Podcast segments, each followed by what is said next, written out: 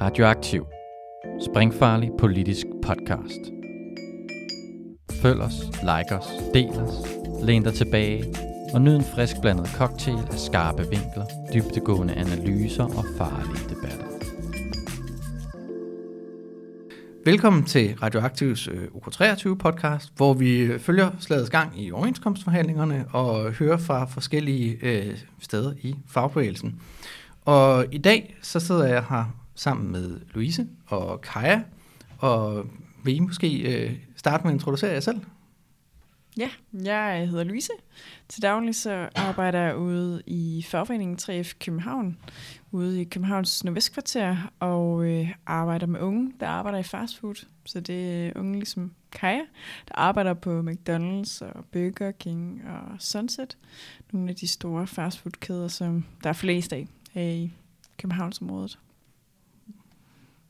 Øh, jeg hedder Kaja. Jeg arbejder på McDonald's ude på Amager. Øh, og så engagerer jeg mig lidt i fagforeningen. I, blandt andet så har vi sådan en klub, hvor vi snakker om, hvordan vi har det på fastfoodkæderne rundt omkring i København. Øh, ikke kun på McDonald's, men, men bare det hele.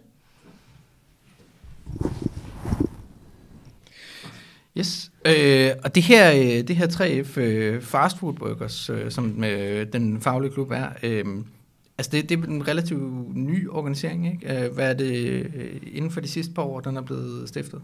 Jo, men det, det er faktisk ikke engang et år siden. Nå, vi okay. stiftede den øh, i øh, slutningen af august, øh, og det er en brancheklub for unge, men også altså, øh, for ældre og voksne mennesker, Mm. kan man sige, som arbejder i fastfood i København. Okay, og hvorfor har I valgt at, at stifte sådan en, en, en fast food arbejderklub? Øh, er, altså det ligger vel inden for, det ved jeg ikke, øh, er det privat service øh, og så videre? Hotelrestauration, Hotel, ja, ja. på 3F, at det ligger. Men, øh, men hvorfor var det nødvendigt med en, med en særskilt øh, brancheklub for, for fast food arbejdere? Altså man kan sige, i sådan 3F som fagforening, så dækker vi rigtig mange forskellige fag, og ude i 3F København har vi også alt fra stillagsarbejdere til rengøringsassistenter til tjenere og fastfood workers. Så det var et ønske om, at man gerne ville øh, både sådan fra 3F Københavns side, men også fra de unge side, have deres egen klub, hvor man havde sin egen økonomi, og hvor man kunne lave nogle aktiviteter, der var målrettet unge, Hmm. øh, som arbejder i den her branche, for der er stor forskel på at, at arbejde på McDonald's ude i Fields, og så være på en eller anden Michelin-restaurant. Ja, det kan jeg godt forestille mig. Øh, hvor mange øh, er man så i, i altså er medlemmer og aktive? Jeg tror, vi har omkring 150 øh, medlemmer, så det er jo ikke særlig mange i forhold til, hvor mange der arbejder i fastfood i København.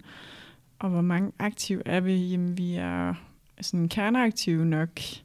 En 5-7 stykker, tror Ja, jeg. som kommer til alt. Og så mm. har vi fået valgt tre tillidsrepræsentanter på McDonald's, og øh, en nu på Max Burger på Hovedbanegården. Ja. Så er der faktisk to valg i gang til at være tillidsrepræsentanter.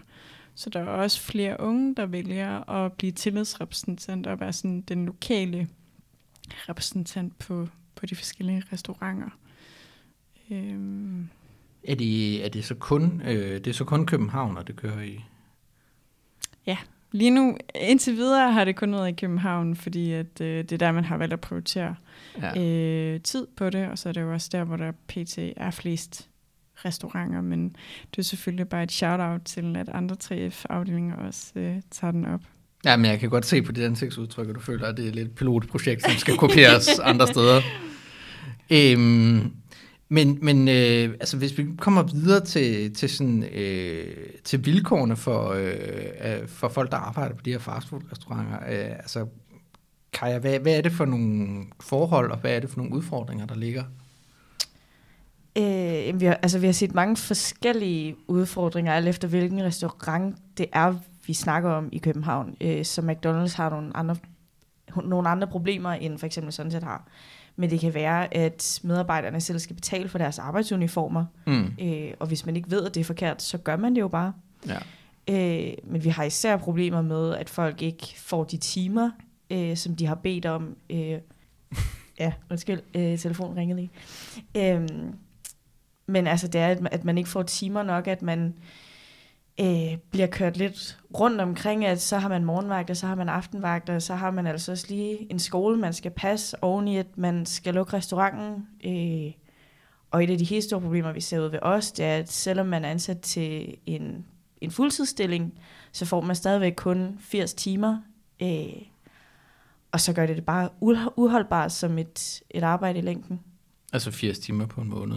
Ja, 80 og, timer og, på og en måned. norm, og normen er 160, ikke? Eller 148. 148, yes, fordi der bliver korrigeret for ferie og sådan nogle ting. Så yes. Ja. Hvad med sådan noget som, øh, som arbejdsmiljø? Altså nu, øh, da du kom ind, så øh, du må, du må du lige øh, give hånd med venstre hånd, fordi du havde brændt dig på, øh, på højre på arbejdet. Altså, øh, er det, øh, er det også en del af, af udfordringerne? Altså, jeg synes egentlig, der bliver taget godt hånd om, hvis at man, i hvert fald hvis man brænder sig. Øh, Ja. At vi har selvfølgelig et medicinskab, og man får lov til at, at gå derud, og hvis, hvis det er for slemt, så bliver man enten sat i en anden stilling på arbejdet, som man kan holde til, eller hvis det er helt slemt, så får man, så får man også lov til at gå hjem. Mm. Mm. Øh, det ser jeg egentlig ikke som et stort problem. De største problemer på den front er nok, hvor meget man må løfte og bære og skubbe, og, og også hvor meget må en person under 18 løfte, mm. er især et problem, som, som bliver brudt, fordi skiftleder peger bare på den første, der lige står der og siger, vil du lige have en kasse? Ja. Også selvom at personen overhovedet ikke må løfte den kasse med pomfritter. Hvad med sådan noget med, med psykisk arbejdsmiljø? Altså, tænker jeg sådan en fastfood-restaurant, der kan nogle gange godt være nogle utålmodige idioter. Ja, altså, man oplever selvfølgelig nogle gange nogle, nogle lidt træls kunder, øh, men jeg synes også, at cheferne er gode til, at, at man skal gå til dem, og så tager de, der, de sig af kunderne, så man skal ikke selv stå med det, man skal ikke Mm. stå og høre på det. Øh, og jeg synes egentlig også, at, at der er okay arbejdsmiljø, når man er på arbejdspladsen. Altså, der bliver, der bliver talt pænt til hinanden. Øh, I hvert fald på min arbejdsplads, der er meget fokus på, at, at man skal snakke pænt. Øh, Okay. det psykiske aspekt kommer nok mere i, at, at man aldrig helt ved, hvornår man skal på arbejde, og Mm. hvornår man må gå, og, Ja. og så videre. Jeg tænker bare, hver gang jeg er inde på, på en eller anden, øh, på, på en mærkenrestaurant eller sådan noget, så tænker jeg, at det ser godt nok utrolig stresset og fortravlet ud alle sammen. Ja, øh, man, man skal i hvert fald være bygget til et vist stressniveau, hvis man skal arbejde der. Man skal kunne holde hovedet koldt. Ja. Øhm, men når kunderne bliver for stressende, så kan man altid tage fat i chefen. Mm. Man skal aldrig stå med det som almindelig medarbejder i hvert fald. Hvad med øh, sådan noget som, altså hvad, hvordan er øh, overenskomstdækning og sådan noget inden, inden for det her område? Øh, altså, ja, det er jo, det er jo næsten en næsten mytologisk beretning i, i, i sådan en dansk fagforeningshistorie, hvordan man fik McDonald's til at tegne overenskomst øh, en gang i 80'erne, da de kom til landet. Men hvordan er det generelt øh, med fastfood-restauranter? Øh, om de, har de overenskomst? Øh, er det kun de store kæder, eller... Hmm, generelt så er det alle de store kæder. Altså alle øh, McDonald's-restauranterne har Max Burger, øh, KFC, Sunset Boulevard, og så er det op til de enkelte franchise til inden for Burger King, om de vil tegne en overenskomst. Okay. Øhm, I hovedstadsområdet, der er alle Burger King-restauranterne øh, overenskomstdænget.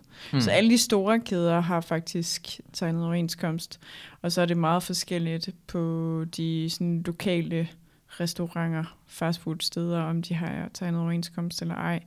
Altså sådan en stor kæde, som for eksempel Jaggers i Ja. København, har for eksempel ikke øh, overenskomst endnu. Endnu. Men Men vi, vi håber på, at det kommer til at ske. Øhm, selvfølgelig hvad med, altså nu snakker I fastfood, og, og, og altså en ting med, med fastfood, det er jo selvfølgelig, at, øh, at, øh, at man tager ned på, øh, på Mac'en og bestiller øh, 100 cheeseburger, fordi så stiv er man bare. Men altså, hvad med øh, de små øh, sådan, øh, kebabbæks og pizzerier og sådan noget? Er det også noget, jeg arbejder med? Ja, i princippet så er- dækker klubben rimelig bredt, altså i forhold til hvem der kan være medlemmer og være aktive i den her fastfood-klub. Men altså det er jo også, man må også bare kende på det her tidspunkt, der har vi flest medlemmer, der arbejder på de store kæder. Øhm, vi har ikke de små kebabsteder eller pizzasteder. mm. øh, endnu. Så det er jo også det der med at skulle starte noget op for bunden, så er det nemmest ligesom det er måske også og, en... at bygge det på, en, på et fundament, hvor der ja. er nogle medlemmer, som... Og så tror jeg heller ikke, man skal undervurdere, at de store fastfoodkæder, som for eksempel McDonald's, bare har et virkelig stærkt brand. Altså, de har et virkelig stærkt brand i Danmark, men også internationalt har de jo et kæmpe mm. øh, brand, så alle kender McDonald's, og man kender nogen, der arbejder på McDonald's, eller øh, ja, går i klasse med nogen. Eller det er jo også det, vi typisk ser, at så har man sine søskende til at arbejde på McDonald's, eller man har fundet sin kæreste på McDonald's, eller sådan nogle ting. Så det er jo også typisk der, hvor man har en relation til stedet, man starter med at arbejde. Ja, okay. Øh, jeg tænker også, at det, det er måske sådan lidt nogle andre udfordringer ikke, i forhold til organisering, altså hvor at, at sådan kernegruppen for at organisere på McDonald's måske meget er øh, sådan... Øh, unge, øh, øh, sådan etnisk danske, øh, som, som har det som, sådan et, øh, som en bibeskæftigelse øh, til, at de er studerende, eller i sabbatår, eller et eller andet, at der er, øh, der er de her kebabikser og sådan noget. Det, det er lidt en, øh, en anden sådan gruppe af befolkningen, man skal have fat i, og det er måske en anden organiseringsform. Ja, både og, fordi vi ser også, eller jeg oplever i hvert fald, at på rigtig mange af de Burger King-restauranter, som vi har i hovedstadsområdet, der er der rigtig mange øh, voksne øh, fra Indien, Pakistan, Bangladesh, som lever af at arbejde mm. øh, på, på sådan en stor kæde som, ja. som Burger King. Øh, og dem har vi også svært ved at få med ind, fordi mange af dem øh, ikke er EU-borgere, så de har ikke de samme rettigheder. Så mange af dem er også bange for at melde sig ind i en fagforening, fordi hvis de melder sig ind i en fagforening og begynder at øh, kæmpe for nogle af de rettigheder, de faktisk har, så er de bange for at blive fyret.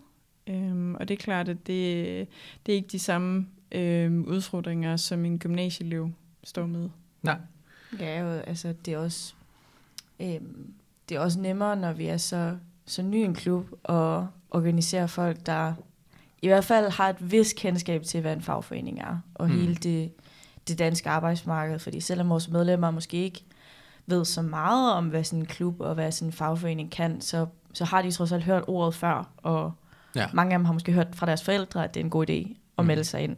Så der er et, et vist grundlag for at organisere dem i forvejen. Ja. Jeg tænker også, altså med de her små kebabsteder, det kan være en udfordring i sig selv mange steder, at det er meget familiebaseret. Øh. Så har man ikke sådan samme sådan idé om modsætningsforhold til sin arbejdsgiver. Og så kan vi også se, at der hvor der er tillidsrepræsentanter, og der hvor der ligesom er medlemmer og aktive medlemmer, det er også der, hvor der kommer flere medlemmer, mm. og der hvor der er flere aktive. Yes. Hvad overenskomstmæssigt, øh, i forhold til sådan hele det her store OK23-spil, øh, altså hvordan øh, spiller øh, fastfood-branchen ind i det? Øh, er der en brancheoverenskomst, der skal genforhandles, eller er det på firmaniveau øh, osv.? Hvordan, øh, hvordan folder det sig ud? Øhm, det er sådan, at KFC og Sunset Boulevard, de er ligesom en del af hovedoverenskomsten øh, mellem 3F og Dansk Erhverv og Horesta. Ja. Og så er der McDonald's og Burger King og Max Burger, der har deres egen lokal øh, altså- firmaoverenskomst, som bliver forhandlet i forbindelse med hovedoverenskomsten for, altså for, inden for Horesta og Dansk Erhverv. Okay. Øhm, og det vi har gjort som klub, det er, at vi ligesom har indgivet syv krav eller syv ønsker til vores forhandlere, som sidder i forhandlingsudvalget inde mm. i 3F, og sagt, det her det er nogle krav, som vi gerne vil have, at de skal forhandle på vegne af os. Men det fylder ikke så meget i forhold til den proces, om de lige er på den centrale overenskomst, eller om de er på øh, Magens overenskomst, eller, øh, eller, eller hvad de er. Øh, eller, at det, det er sådan nogenlunde de samme ting, der går igen, og Stort de samme set. problematikker, ja. og, og de andre, altså så, okay, ikke huske, hvem var det, du sagde, der var på den centrale? Det, Sunset Boulevard og KFC. Ja, så Men, hvis den bliver vedtaget, øh, det der bliver vedtaget der, det bliver så forholdsvis meget kopieret en til en i de øh, firmaspecifikke overenskomster. Ja. Altså der er to ting med det. Det ene er, at McDonald's gerne vil have sin egen overenskomst, mm. selvom den i virkeligheden er sådan lidt copy-paste af hovedet overenskomsten inden for hotel og restauration, så er der nogle ting, man har justeret lidt på, fordi der er forskel på nogle brancher. Og Burger Kings overenskomst er faktisk stort set en til en med McDonald's overenskomst. Man kan bare slette McDonald's og så indsætte Burger King, fordi de gerne vil Have, været have sin egen overenskomst. Så der er Og også det er noget dumt. brand forbundet med det, at man kan sige, at man har sin egen i anførselstegn overenskomst. Ja, Men på papiret og sådan ude i virkeligheden, så er der ikke den store forskel. okay. Men der kommer en forhandling af det, og der er en central overenskomst, og der er nogle, øh, nogle firmaspecifikke, og så bliver de vel alle sammen kædet sammen i øh, noget uafstemning på et eller andet tidspunkt øh, et stykke ned ad vejen. Ja. og, øh, og så skal vi stemme om det. Øhm, I nævnte, at, øh, at øh, I havde nogle, øh, sendt nogle krav ind i forhold til, til forhandlinger, og, øh, og, og kan I øh, fortælle, hvad, hvad er det for nogle krav? Øhm, vi har blandt andet, øh, at mere arbejde også skal betragtes som overarbejde. Øh, og det var det her med, at vi er rigtig mange, der gerne vil have et fuldtidsarbejde, som ikke har et fuldtidsarbejde på kontrakten. Øh, men selvom man er ansat på 80 timers kontrakt, så alt op til 147, 48, 48. 148 timer. Alt op til det bliver betragtet som mere arbejde, ikke overarbejde, hvilket betyder, at man ikke får tillæg. Mm. Øh, det er helt præcis den samme grundløn, som hvis det var på kontrakten, og det giver bare arbejdsgiverne en undskyldning for ikke at give os nok timer. Øh, Altså, øh, så på den måde, så vil I give arbejdsgiverne incitament til at ansætte folk på fuld tid. Ja, så mere arbejde skal også tælle som overarbejde. Øhm, så har vi, øh, at vi gerne have 100% tillæg den 24. og 31. december. Ja. Lige nu der er det kun efter klokken 15. 15, ja. Ja. Efter klokken 15, så får man 100% tillæg de to dage. Mm. Men vi vil gerne have, at det dækker hele dagen, fordi det er to vigtige dage. Vigtige dage, man oftest bruger med familien. Øhm, så har vi både pensionsordningen og sundhedsordningen. De gælder lige nu kun for folk, der er fyldt 20. Dem vil vi gerne have gælder for folk, der også altså, kun er fyldt 18. Fordi det er stadig voksne mennesker, der måske også har et fuldtidsarbejde, og de har selvfølgelig også ret til både pensionsordning og sundhedsordning. Fuck, det virker random. Ja. Øh, det er lidt underligt, at den grænse er blevet sat i første omgang, og det vil vi gerne have gjort op med i hvert fald. Ja. Øhm, så har vi højere grundløn til unge, der ikke længere er skolepligtige, men som stadig er under 18. Og det er fordi, lige så snart man, er sko- lige så snart man ikke er skolepligtig, så må Mm. man nogle lidt andre ting. Man må stå ved frityrerne, man må få lidt flere timer, og man, man har generelt set måske lidt mere, altså, lidt mere ansvar og må nogle, ikke farlige ting, men, men lidt mere altså, farlige ting. Mm. Øh, og det burde også kunne afspejles i lønnen. Vi har øh, aften- og natarbejde. Det skal ikke være tilladt for unge under 18 år mellem 22 og 06. Ja. Øh, og det er fordi, vi ser bare folk, der er rigtig unge, der arbejder til midnat, og de skal typisk stadigvæk, altså De skal i skole næste dag. de skal i skole næste dag. Ja. Øh, og det er også et problem for folk over 18, men som minimum, så skal folk under 18 ikke arbejde så sent om aftenen eller så tidligt om morgenen. Mm. Og det sidste, det er, at vi vil gerne have præciseret i overenskomsten, at forberedelsestid, det er lønnet. Øh, og den rettighed har vi allerede, at forberedelsestid er lønnet. Det kan være for eksempel, hvis man har nogle elektroniske øh, moduler, som man skal lære, inden man møder på arbejde, eller Ah, okay. hvis man har managermøder eller noget i den retning. Man har ret til løn, men vi vil gerne have det præciseret, øh, fordi Ja. der er rigtig mange af vores medlemmer, der ikke ved det. Og der er Mm. mm. rigtig mange af vores arbejdsgivere, der ikke handler på det. Okay. Altså, hvor, der, der, der, kom- der er en del problematikker omkring det her med unge arbejdere. Øh, altså, hvor stor en del af, af de ansatte på de her steder udgør de rent faktisk, altså folk, der er under 18? Altså, det, er godt, det har I nok ikke noget sådan præcist svar på, men altså sådan slag på tasken. Jeg har lyst til at sige, at det i hvert fald er halvdelen. I hvert Jeg fald. tror også, det er mere. Altså, det er måske sådan noget 70 Det tror jeg. procent. Ja, mit bedste gæld var nok to tredjedele, så, ja. Ja, så det passer meget godt. ja. Mm. Fordi de generelt bare bliver betalt øh, lavere eller dårligere. Ja. Ja. Øhm, så de er billigere arbejdskraft, simpelthen. Øhm, vi har haft sådan en øh, aktion, det kan jeg fortælle lidt mere om, øh, ude i Friheden øh, i Hvidovre, hvor at Mm. McDonald's åbnede deres restaurant nummer 100. Og så øh, havde vi malet et banner, hvor der stod øh, overhold lov og overenskomst på Danmarks største børnearbejdsplads. Ja, jeg så det godt, det var mega fedt. Ja. Og, og det er jo sådan en meget god pointe, at det er mega pro sagt, men det er heller ikke helt forkert, at det er en af de største øh, virksomheder, som har altså decideret børn. Når du er 13-14 år, så er du, så er du stadig øh, et barn i forhold til at, at være 17, ikke? Øhm, Og jeg tror også, øh, jeg tror også godt ledelsen ude på den McDonald's, de selv vidste, at vi havde ret i det, vi sagde, fordi øh, deres medarbejdere fik i hvert fald at vide, at de måtte ikke give os opmærksomhed, de måtte ikke snakke til os, og de prøvede også at bestikke os med kaffe. De kom ud og spurgte, om vi ikke ville have noget kaffe. Nej, tak, det ville vi ikke. Så kom der en helt almindelig medarbejder ud med to kaffer. Han fik, han fik bare at vide, at de var til os. Men, øh, men så let kan de altså ikke slippe afsted med os. Nej, okay.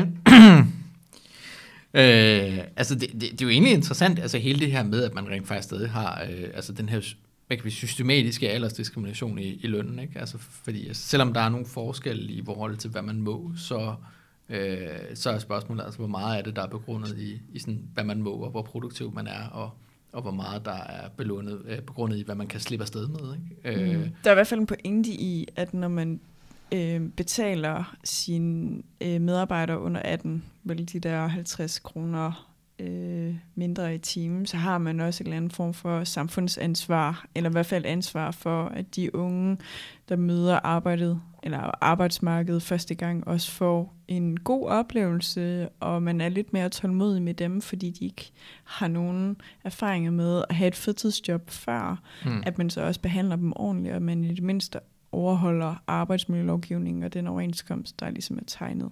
Ja. Øh, så, så kan jeg lige notere, at der er et lille spørgsmål. Nu nævnte de selv øh, det her med, øh, med øh, den 24. og den 31. december, og så øh, kommer jeg jo selvfølgelig til det obligatoriske spørgsmål. Øh, er der noget stor bededagstillæg? Der er jo et, et, et, et søn- og helligdagstillæg. Men det er normalt, at man også arbejder på stor bededag, ikke? Generelt så er det jo en branche, hvor man altså arbejder, når alle andre har fri og på ferie. Ja. Så Jeg arbejdede der i hvert fald nytårsaftensdag. Ja. Det er, det er helt normalt, at man har åbent Mm. der, men det er også helt normalt, at man får lidt ekstra penge for at ofre sin fridag på den måde. Så I er i hvert fald en af, de, øh, en af dem, der, er- altså, nogle af dem, der, der, der er meget konkret påvirket af hele den der diskussion omkring, øh, altså omkring at fjerne tillægget i, i overenskomsterne. Helt sikkert. ja, fordi altså sådan, man kan sige, der står ikke noget konkret i vores overenskomst, at man skal have et helligdagstillæg på store bededag. Men hvis man fjerner store bededag som helligdag, så har man heller ikke ret til sit søn- og helligdagstillæg. Det giver Nej. Ligesom sig selv. Ja. Øhm, så selvom det ikke har noget med overenskomstforhandlingerne at gøre, så har det det jo på en eller anden måde Mm. indirekte, fordi at man mister nogle penge. Øh, jeg blevet lidt mærke i, at, øh, at de fleste inden for fagbevægelsen, når de snakker omkring, hvad der skal ske til de overenskomstforhandlinger, er meget fokuseret på sådan real løn. Her. Øh, og, og, og sådan det generelle sådan lønniveau, altså der er selvfølgelig noget med noget grundløn øh, og så videre, men, men det virker ikke til at fylde så meget. Øh, er det, fordi jeg tænker, at det er sådan noget, der, skal, der skal alligevel skal løses ved det store bord, øh, eller, er det, eller er der en eller anden grund til, at der er nogle andre ting, der er vigtigere? Jeg tror helt generelt set, at det er fordi, vi ser, der er nogle andre ting, der er lidt vigtigere. Mm. Øhm, at det er selvfølgelig ærgerligt, at mine penge bliver mindre værd, men hvis jeg alligevel ikke får timer nok til at tjene mine penge, så kan det være lige meget, hvad min grundløn ligger på. Ja. Øh, og selvfølgelig så, så vil vi gerne have, at regelløn den, den følger et inflationsniveau, der gør, at vi stadigvæk kan betale for, for vores Mm. ting. Øh, men vores krav specifikt fra klubben har været rettet mod noget andet, fordi forhandlerne ved godt det med inflationen og det med regellønnedgangen. Ja. Øh, vi vil gerne pointere, at vi også har nogle andre problemer, som er meget specifikke for vores branche. Ja, så det er måske sådan lidt en del af begge dele, ikke? Uh, Ja. Ja, altså det er jo sådan, det er jo også et meget sjovt område, fordi at det er jo minimal løn. mm. Øhm, problemet, Og kan du måske lige forklare ja, det kan jeg øh, godt, det er jo det der med, at, at abstrakte at, lyttere, hvad det øh, egentlig er? For eksempel i fastfood, i de overenskomster, der er på det her område, der har man jo øh, ret til for eksempel at have mindst en årlig lønforhandling, fordi man ikke kan leve af den minimalløn, eller den sådan, mindste løn, der er inden for mm. overenskomsten, at man som udgangspunkt godt ved, at lønnen er lav, men så skal man forhandle sig til en højere øh, grundløn, eller, eller minim, mindste løn lokalt. Mm. Øh, men hvis du er 13 år, eller 14, eller 15, så, så diskuterer du jo ikke, altså så har du ikke en lønforhandling med din chef. Så der er også et eller andet med, når du har en branche, hvor der er så mange ja, børn og unge, øh, så, så udnytter man dem også, fordi man godt ved, at det ikke er nogen, der er parate eller modne nok til at forhandle øh, til en højere løn. Øhm, men er det måske sådan lidt parallelt næsten til nogle af de diskussioner, man har inden for byggeriet omkring østarbejdere? Altså, øh, sådan uden sammenligning Det er måske sat på spidsen, at, men jo. at der, der er noget med, med, med sådan nogle ulige magtvilkår, der gør, at, øh, at, at den der lokale lønforhandling bare ikke helt rigtig kan fungere på den måde, som, som det måske er tænkt, øh, og som det gør inden for nogle områder, altså hvor øh, for eksempel sådan industrien, hvor at, øh, hele det der, øh, den der model ligesom er, er undfanget. Det, det, har du, det tror jeg, du har en pointe i, at det, det er i hvert fald noget, de udnytter. mm. øhm, og det er derfor, det er skide vigtigt, at vi også får valgt flere tillidsrepræsentanter, som kan være med til at løfte, at lønnen også bliver højere lokalt for, for de medarbejdere, der er. Ja. Yes. Så tænker jeg, at øh, nu hvor vi alligevel er godt i gang med at snakke lidt om øh, kring overenskomsterne, vi kan gå i gang med at snakke lidt om nogle af de bredere ting, der sker i overenskomsterne. Øh, fordi vi, øh, vi har jo også det her podcast for at snakke lidt omkring den generelle udvikling. Øh, og jeg har sådan et, øh, et, et, et, et af fire ark fuldt med noter af sådan siden sidst. Øh, for sidste uge, der sad jeg sammen med August, og, og lige før vi gik på, nogle timer før, så var det ligesom kommet en udmelding om, nu med øh, FH holdt et ekstraordinært forretningsudvalgsmøde, og så var de blevet enige om, at de skulle være skide sure over øh, det her med stor bededag og sådan noget. Men det, det var lidt uklart, hvad skalaen af det hele egentlig var, øh, og hvad det var, man planlagde. Og det er vi jo i nogen grad blevet noget klogere på nu. Øh, så nu tænker jeg, at vi bare kan tage sådan lidt snak om, hvad, hvad der egentlig sker øh, generelt. Øh, altså hele de der store bededagsprotester de fylder jo enormt meget med øh, altså underskriftsindsamlingen er nået op på, hvad er det, over 400.000 underskrifter, og øh, der er demo hvad er det, på torsdag, og FH har indkaldt til demo søndag den 5. og krævet folkeafstemning osv. Øhm, er det, altså, er det, er det den rigtige linje, som, som, som man har valgt øh, her? Altså at, øh, at gå så sådan forholdsvis hårdt ind på det? jeg tror øh, netop nu, hvor vi var, hvor vi var inde på det der helligdagstillæg tidligere, mm. øh, at det er jo hele det aspekt, som fagbevægelsen bringer ind. Ja. Øh, det er i det store hele, det er fagbevægelsen er sur over. Der er mange, der er sur over det med store bødedag af forskellige grunde, men det er, det er fagbevægelsens perspektiv. Og det synes jeg også, de har alt muligt ret til, øh, fordi for mange, der føles det lidt som, at regeringen har, har lavet bagholdsangreb. Mm de har ikke bragt det op til valget, de har ikke rigtig snakket med fagbevægelsen om, at de havde tænkt sig at gøre det. Øh, og nu vil de så tage og fjerne en helligdag, der, der gav et ekstra tillæg til, til rigtig mange mennesker. Der er rigtig mange mennesker, der står og, og mister altså næsten 800 kroner på det her, mm. i hvad man kunne tjene på det helligdagstillæg. Øhm, så jeg synes, det er fair, at fagbevægelsen ja, øh, kalder regeringen ud på at lave et bagholdsangreb. Ja, og det er jo, altså, det er, det er dine penge, de stjæler. Øh, ja. Og, øh, og, og, og det gør man ved lovindgreb. Øh, og det er jo forholdsvis sådan øh, uset øh, før det. Øh, hvad tænker du, Louise? Jeg tænker, at at FH i virkeligheden har været for, for langsomme til at, at gøre det. Nu gør de det, og ja. de har lavet en underskriftsindsamling, og de nu laver de en kæmpe demo, hvor man må håbe, at der er rigtig mange, der kommer. Det er jo på en søndag, øh, så de fleste er ikke på arbejde den dag, så det, gør det, det burde gøre det nemmere at mobilisere. Mm. Øhm, ellers så synes jeg bare, at det er sådan rent timingmæssigt øh, virkelig træls tidspunkt, at man mm øh, bringer det i spil, når man godt ved, at der er de private overenskomstforhandlinger, det kommer ikke som nogen overraskelse. Øh, og jeg kunne godt, altså det er så for min egen sådan, regning, men det virker også som om, at det er et røgslør, så vi alle sammen kun forholder sig til Stor Bededag, at den bliver fjernet. Det er noget konkret, det er noget, alle på en eller anden måde kan forholde sig til.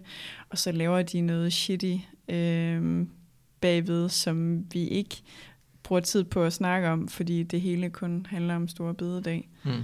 Og så kunne jeg godt, altså sådan, så frygter jeg også lidt, at øh, at det kommer på en eller anden måde til at, at tage opmærksomheden på overenskomstforhandlingerne og de krav, som lønmodtagerne, som fagbevægelsen ligesom har til øh, overenskomstforhandlingerne, øh, og at man, altså, ja, men på den anden side, så tror jeg også, at det er med til at mobilisere folk, at folk de bliver pisse sure over det, og kan betyde, at folk de melder sig ind i den der fagforening, som øh, er inden for deres fag, og at man kan risikere, at folk de engagerer sig og siger nej til det øh, meldingsforslag, der kommer, og vi kan risikere at komme ud i en stor konflikt, og mm. det har vi ikke haft i rigtig, rigtig, rigtig mange år inden for det private arbejdsmarked. Øh, så, så det vil måske også give øh, fagbevægelsen en eller anden form for sådan relevans i 2023. Ja. Så jeg er sådan lidt biased omkring det. Mm.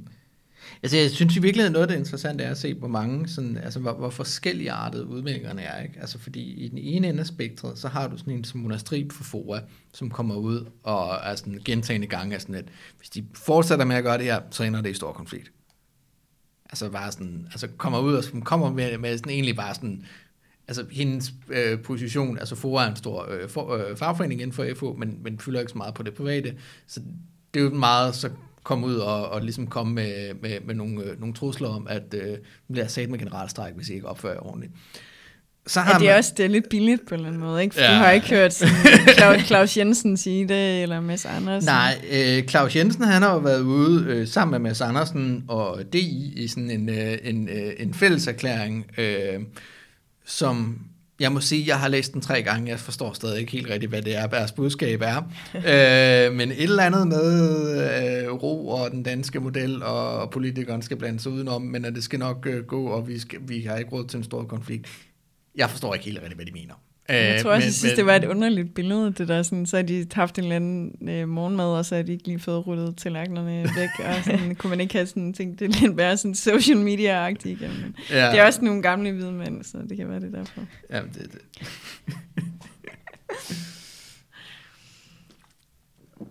og så i den helt anden ende af spektret, der har vi jo øh, Lisbeth Lindst, der er formand for øh, AC, Akademikernes Centralorganisation, som øh, synes, at FO skulle have valgt dialogens vej, øh, og øh, synes, at det her med, øh, med øh, folkeafstemning og sådan noget, det er noget værd noget. Altså, jeg, jeg, jeg tænker ikke, det er fordi, vi har behov for sådan at diskutere så meget, sådan, hvad vi egentlig synes om det. Altså, som, øh, som den organiserede AC'er her i rummet, som jeg vil sige, at... Øh, jeg, jeg tager stærkt afstand fra, øh, fra, fra, fra min øh, hovedorganisationsformand. Øhm. Jeg tror også, jeg synes, det er lidt vagt. Det er også billigt, men altså det der med, at når der bliver taget arbejds... Altså når vi skal arbejde mere og ikke arbejde færre timer, altså så skal man ikke gå i dialog, altså så skal man bare komme i en krigserklæring. Og det synes jeg ikke engang en folkeafstemning er, men det er det, det, er det måske i en dansk Nej, kontekst. Ja, fordi, men fordi du, du kan også finde sådan nogle folk som, øh, som Jan Håby, der er sådan lidt, ah, det er sgu også lidt, uh, lidt, uh, lidt svagpissagtigt at sige, ja, så skal vi have en underskriftindsamling ja. og en demo og sådan noget. Hvorfor der ikke uh, generalstræk endnu? Um, jeg synes i virkeligheden, at, at en folkeafstemning virker som dialogens vej. Det er netop at, hmm at bringe dialogen væk fra SVM-regeringen og ud til den danske befolkning. Ja, Jamen det tror jeg også. Men altså, jeg forstår heller ikke, hvad, hvad Lisbeth Lind så gang i med det der. Altså, det er sådan en dialogens vej med hvem. Altså, de, de, vil jo, de har jo meget, meget klart gjort, altså sagt, over for både arbejdsmarkedets parter og for, øh, for resten af Folketinget, at de vil ikke dialog. De vil ikke nogen forhandling. Det er ultimativt, det her. Det kommer de bare til at gøre, og sådan det er bare... Men det er også altså, lidt, af, som Kaja også sagde tidligere, det der med, at det havde, det havde været fair nok, hvis man så havde en folketingskampagne, øh, hvor man sagde, jamen vi har ikke øh, hvis vi skal deltage mm. eller bidrage til krigen i Ukraine, så bliver vi nødt til at arbejde mere, og det koster en helligdag. Mm. Altså ligesom øh, da Helle thorning Schmidt og øh, Willy Søvndal sagde, at øh, de havde en færre løsning, og vi skulle arbejde 15 12 minutter, 12 minutter mere, ikke? Altså det var sådan, der havde de alligevel smidt sådan svisken på disken. Her er det sådan, det kommer lidt ud af bagdøren. Ja. Øhm, så det er også, altså ja. Og de tog det jo så også op i en trepartsforhandling. Nemlig, i stedet for bare at ja. hastebehandle det her. Ja. Så, øh, det har så... i hvert fald mere respekt for, selvom at... Ja, ja. ja. ja det er noget pis. øh, men man kan jo så, altså åbenbart, så, så, kan, man, øh, så kan vi se, at øh, fra, øh, fra medierne, at der nu begynder at komme sådan, at, der er en, øh, at det bliver drøftet i forhandlingerne, om der så skal gives en ekstra fridag igen. Altså som en eller anden form for sådan en neutralisering af det.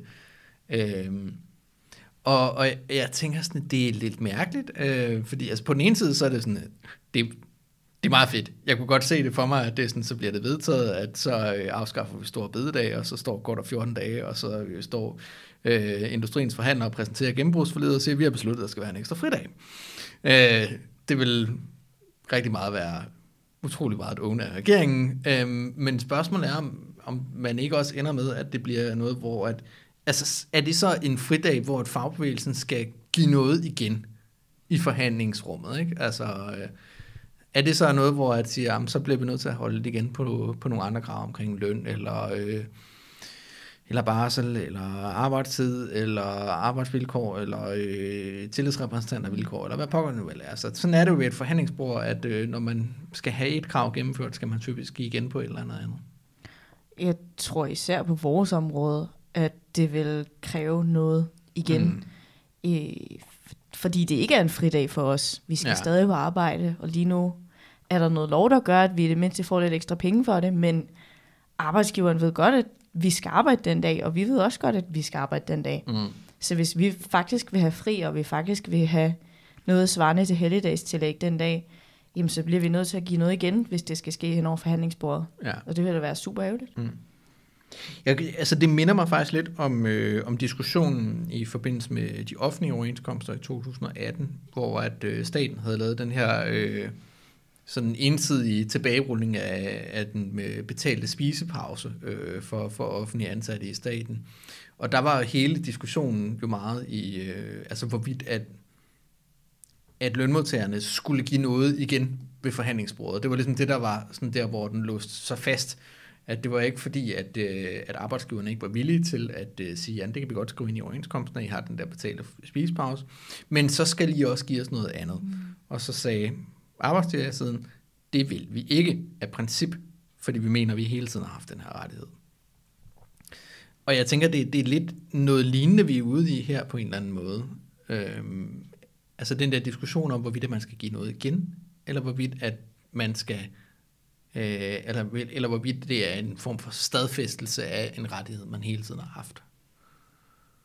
Ja, jeg, jeg tror også, det er sådan en brancheting på en eller anden måde, fordi mm. inden for sådan hotel- og restaurationsbranchen, der er det den branche, i hvert fald sådan tre regi, jeg ved ikke, om det er sådan generelt, men der har man øh, en, en lav organiseringsgrad, man har en lav øh, overenskomstdækning, så man er mere tilbøjelig til at sige, øh, vi går på kompromis med nogle ting, fordi vi godt ved, at vi kunne stå bedre.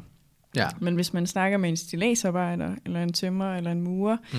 inden for sådan bygger anlæg, så har de jo mere den tilgang til det, at øh, vi blokerer byggepladsen, hvis vi ikke får vores vilje. Ja, altså sådan, det, vi skal ikke afgive noget, vi skal have noget. Ja. Øhm, og jeg tænker lidt, det, det er lidt den samme ting, men på den anden side, så øh, de her store kæder. Vi snakker ikke om den, mm. det lokale pizzeria eller den lokale kebabmand, ja. men er jo nogle, virksom, altså nogle multinationale virksomheder, som har skovlet penge ind under coronakrisen. De hæver deres priser herunder inflationen, men det er jo ikke fordi, at medarbejderne eller arbejdstagerne generelt får en bonusordning eller mere i løn. Så det er nogle virksomheder, som har råd til at give fucking øh, pensionsordning, for man er 18. Øhm, spørgsmålet er bare, om vi tør gå skridtet ekstra. Mm. Fordi det er nogen, altså virkelig nogle, nogle virksomheder, som skovler penge ind, så de har råd, så nu er det også vores tur. Hvad tror I, det ender med? Jeg tror desværre, det ender i en noget tam oplevelse for vores side af. Jamen det, det, det tror jeg, det håber jeg virkelig ikke på, og jeg, jeg kæmper for, at vi får noget igennem. Øhm, men man må også bare se på vores organiseringsgrad, at, Ja. at vi, vil, vi vil kæmpe til det sidste til at, til at få et eller andet igennem, og vi synes Mm. mm. også, det mest solidariske fra deres side vil være at give os bare et eller andet for vores hårde arbejde. Men hvis vi ender i en konflikt på fastfood-området, så bliver det nok en, en noget tam strække. Altså ellers så tror jeg også bare, at det handler om, at hotel- og restaurationsbranchen, mm. det er dem, der kommer sidst. Så man kigger på gennembrudsforligningen inden for ind- industrien, og man kigger på transportområdet, Ja. øh, og så ser man, okay, hvad er realistisk?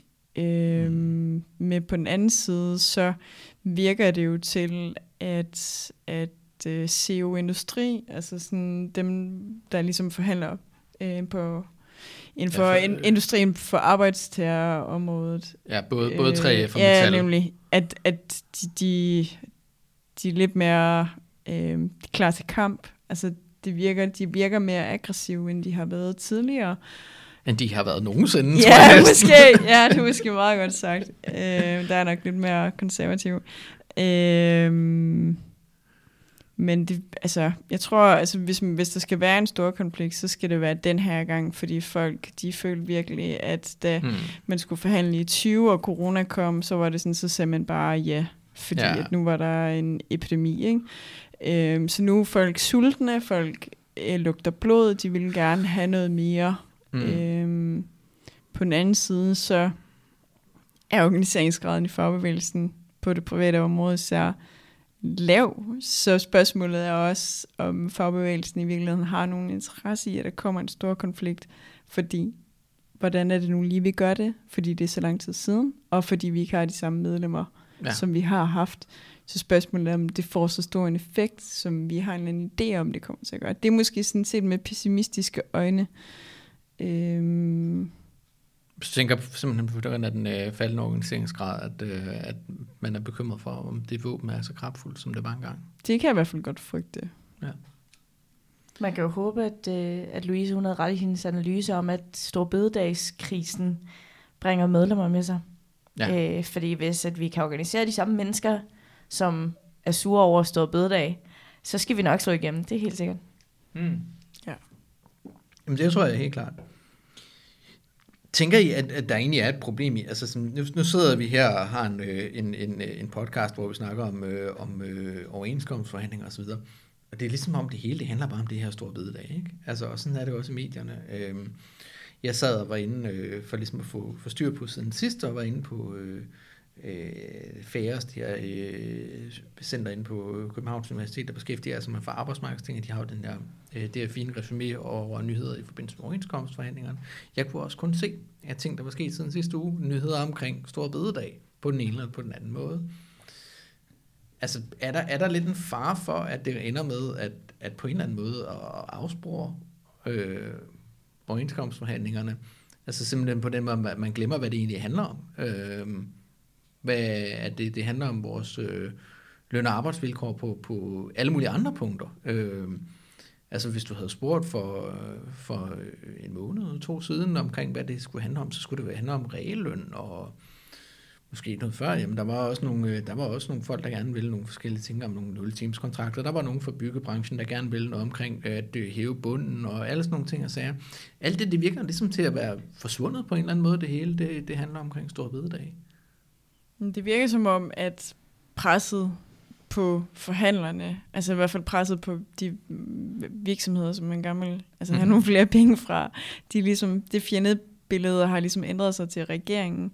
Ja. Sådan, øh, det havde der ligesom var, eller ikke havde, men sådan en eller anden form for sådan gejst Du, du må for, godt have kapitalisterne. at, helt okay. øh, at, at virksomhederne, nu er det deres tur til at, Ja. og, og, og give os nogle flere penge, og vi skal arbejde mindre mm. eller færre timer. Det er ligesom blevet Mette Frederiksen og Lars Lykke og Jakob Ellemann Jensen.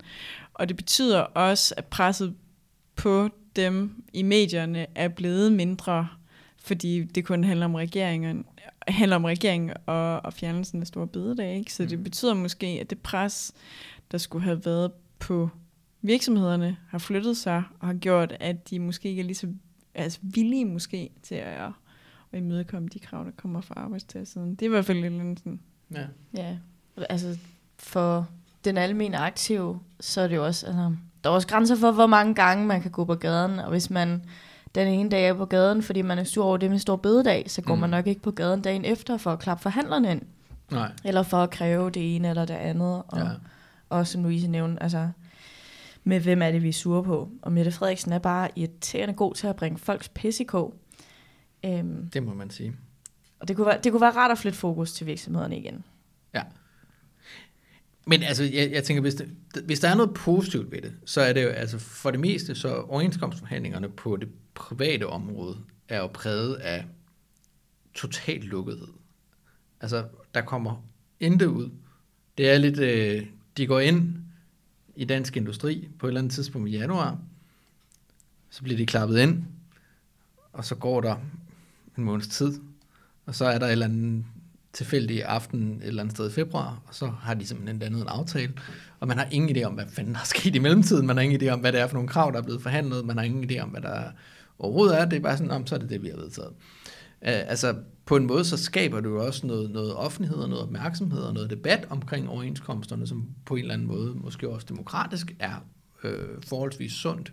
Øh, Altså, jeg, ved ikke, altså jeg, jeg arbejder jo inden for det offentlige, og jeg har altid synes det var noget af det mærkeligste i det, offentlige, øh, altså i det private, at, at det hele er så hemmeligt, at man ikke kan snakke om, hvad der foregår, øh, og at man ikke kan få nogen til at sige noget omkring, hvad der sker, eller noget som helst. Det er bare, altså folk vil jo knap nok fortælle, hvad det er, de, går, øh, at de har krav til forhandlingen overhovedet. Mens at, øh, altså jeg kommer fra det offentlige, og der, der er det sådan et, jamen det kan vi jo, der, der er en fin hjemmeside, du kan gå ind på, og der kan du se, der er sådan øh, 30 sider langt dokument omkring, hvad de forskellige parter har af krav til hinanden. Øh, så på en måde er det måske meget sundt at få, få, få noget opmærksomhed omkring det. Ja, altså nu, nu nævnte du tidligere, øh, at det var blevet nævnt, at FH i virkeligheden var lidt, lidt sent ude med at være sur over det med stor bededag. Ja. Jeg tror faktisk, at, at de havde timet det en lille smule øh, fordi forhandlingerne først lige altså, er gået i gang med at, med at klappe forhandlingerne ind altså, ja. for en uge siden, eller mm. altså, vores forhandlere bliver først klappet ind på fredag. Øh, så man skulle ligesom ramme, at FH kommer i medierne oven i, øh, oven i forhandlingerne. Ikke? Mm. Øh, så jeg tror helt sikkert, at FH i hvert fald udnytter chancen til at få snakket om nogle overenskomstforhandlinger. Ja. Øh, det kunne bare være rart, hvis det... Også handler om overenskomsterne. Ja, Øh, og vi skal helt sikkert være sure over det med stor bededag. Vi skal bare huske også at være sure over andre ting. Mm. Ja, så tror jeg også bare inden for sådan, ja, især inden for industrien, der er det bare sådan meget hierarkisk. Og det er ligesom, hvorhen, altså hvis man er øh, med til at forhandle de her ting, så er du ret højt op i hierarkiet. Så der er øh, et eller andet sådan lukket system, mm. Mm, og nu, nu bliver jeg sådan måske lidt sexistisk, men der er jo rigtig mange mænd, der er ansat i industrien, og det er sjovt nok også rigtig mange af dem, der forhandler øh, på det her område, og mange af dem har ikke været ude på arbejdspladserne i mange år, og det er ligesom den kultur, der på en eller anden måde kommer ind i forhandlingslokalet, øh, at det er ligesom en lukket klub. Ja. Øh, ja, det er meget sjovt. Ja, man må bare huske at være vågen, når de så kommer ud af dansk industri igen og at præsentere en aftale, at bare mm. fordi vores forhandlere står og siger, at det er en god aftale, så er det ikke nødvendigvis en god aftale. Og man skal som medlem lige huske at se, hvad det er, man stemmer ja eller nej til. Fordi måske fortjener den mere et nej. Måske fortjener den et ja, men, men man ved det ikke. Ja, ellers så har vi jo også været, altså vi har jo malet sådan et, øh, et banner, øh, sådan en stofbanner med noget akryl, øh, mening, hvor der står del profitten med dem, der serverer pomfritten. Øhm, meget sådan aktivistisk, og det har vi stået med inden for en sådan klap ind til industrien, ja. og på transporten, og inden for bygge og anlæg. Øh, ikke fordi det har en sådan generelt sådan en, noget med vores overenskomst at gøre, men det har du indirekte, fordi at de ja, her de, forlig, de, de, de kommer ramme, ligesom først, ja. ikke? så det er jo også det der med, at I forhandler ikke kun inden for jeres områder, men det gør I også for de andre mindre brancher, så I skal Mm. også tænke på os. Ja, Øhm, der er, så, der er så meget af det der, hvor det spiller over, ikke? Altså, på grund af sådan noget som reguleringsordningen, så øh, i, i et eller andet omfang, så bestemmer, øh, hvad der sker på, øh, på de private overenskomstforhandlinger, og også hvad der sker med lønudviklingen i det offentlige. Altså, så det Ja. er og igennem satsreguleringen, så påvirker det folk på overførselsindkomst og sådan noget, så det er, virke, det er jo virkelig i et eller andet omfang hele, det er det, der sætter Samfundet. baren for resten af Ja. lønudviklingen. Ikke? yes, Og man kunne også overveje, altså det, det mener jeg, man har gjort tidligere, men det der med rent faktisk at forhandle både på det private og på det offentlige område samlet, øhm, så kunne man jo bare sige, at når, altså at det, det offentlige, de kommer efter hotelrestauration. Men hele pointen i, at man ligesom, altså man skal kæmpe to gange, ikke? Altså man vil også ja. Kunne mobilisere mange flere, hvis man nu gjorde det samlet, og man vil også kunne, der vil være, et, altså når du kan mobilisere flere mennesker, så kan du også danne et større mm. pres. Så det er bare en, et shout-out herfra, at det kunne man måske også overveje, at om man ikke skulle til at kigge på det igen. yes. Også i forhold til, det har vi slet ikke været inde på, bliver det en treårig periode, bliver det en etårig periode, bliver det Ja. en toårig periode. Øhm, Der er rigtig mange ting, vi ja. Ikke øh, har været inde på. Men øh, jeg tænker, at øh, nu har vi været i gang i øh, godt øh, 50 minutter, og øh, vi har været øh, rundt omkring det meste. Øh, så jeg tænker, at vi siger tak for, øh, for i aften, og øh, så øh, glæder jeg mig sådan set bare til øh, at sidde her i studiet igen om en uges tid. Øh, og snakke med en Mette fra, øh, fra Bedre Meds øh, fagblad om, øh, hvad der sker hos dem. Og i mellemtiden, så bare god kamp, kammerater. Oh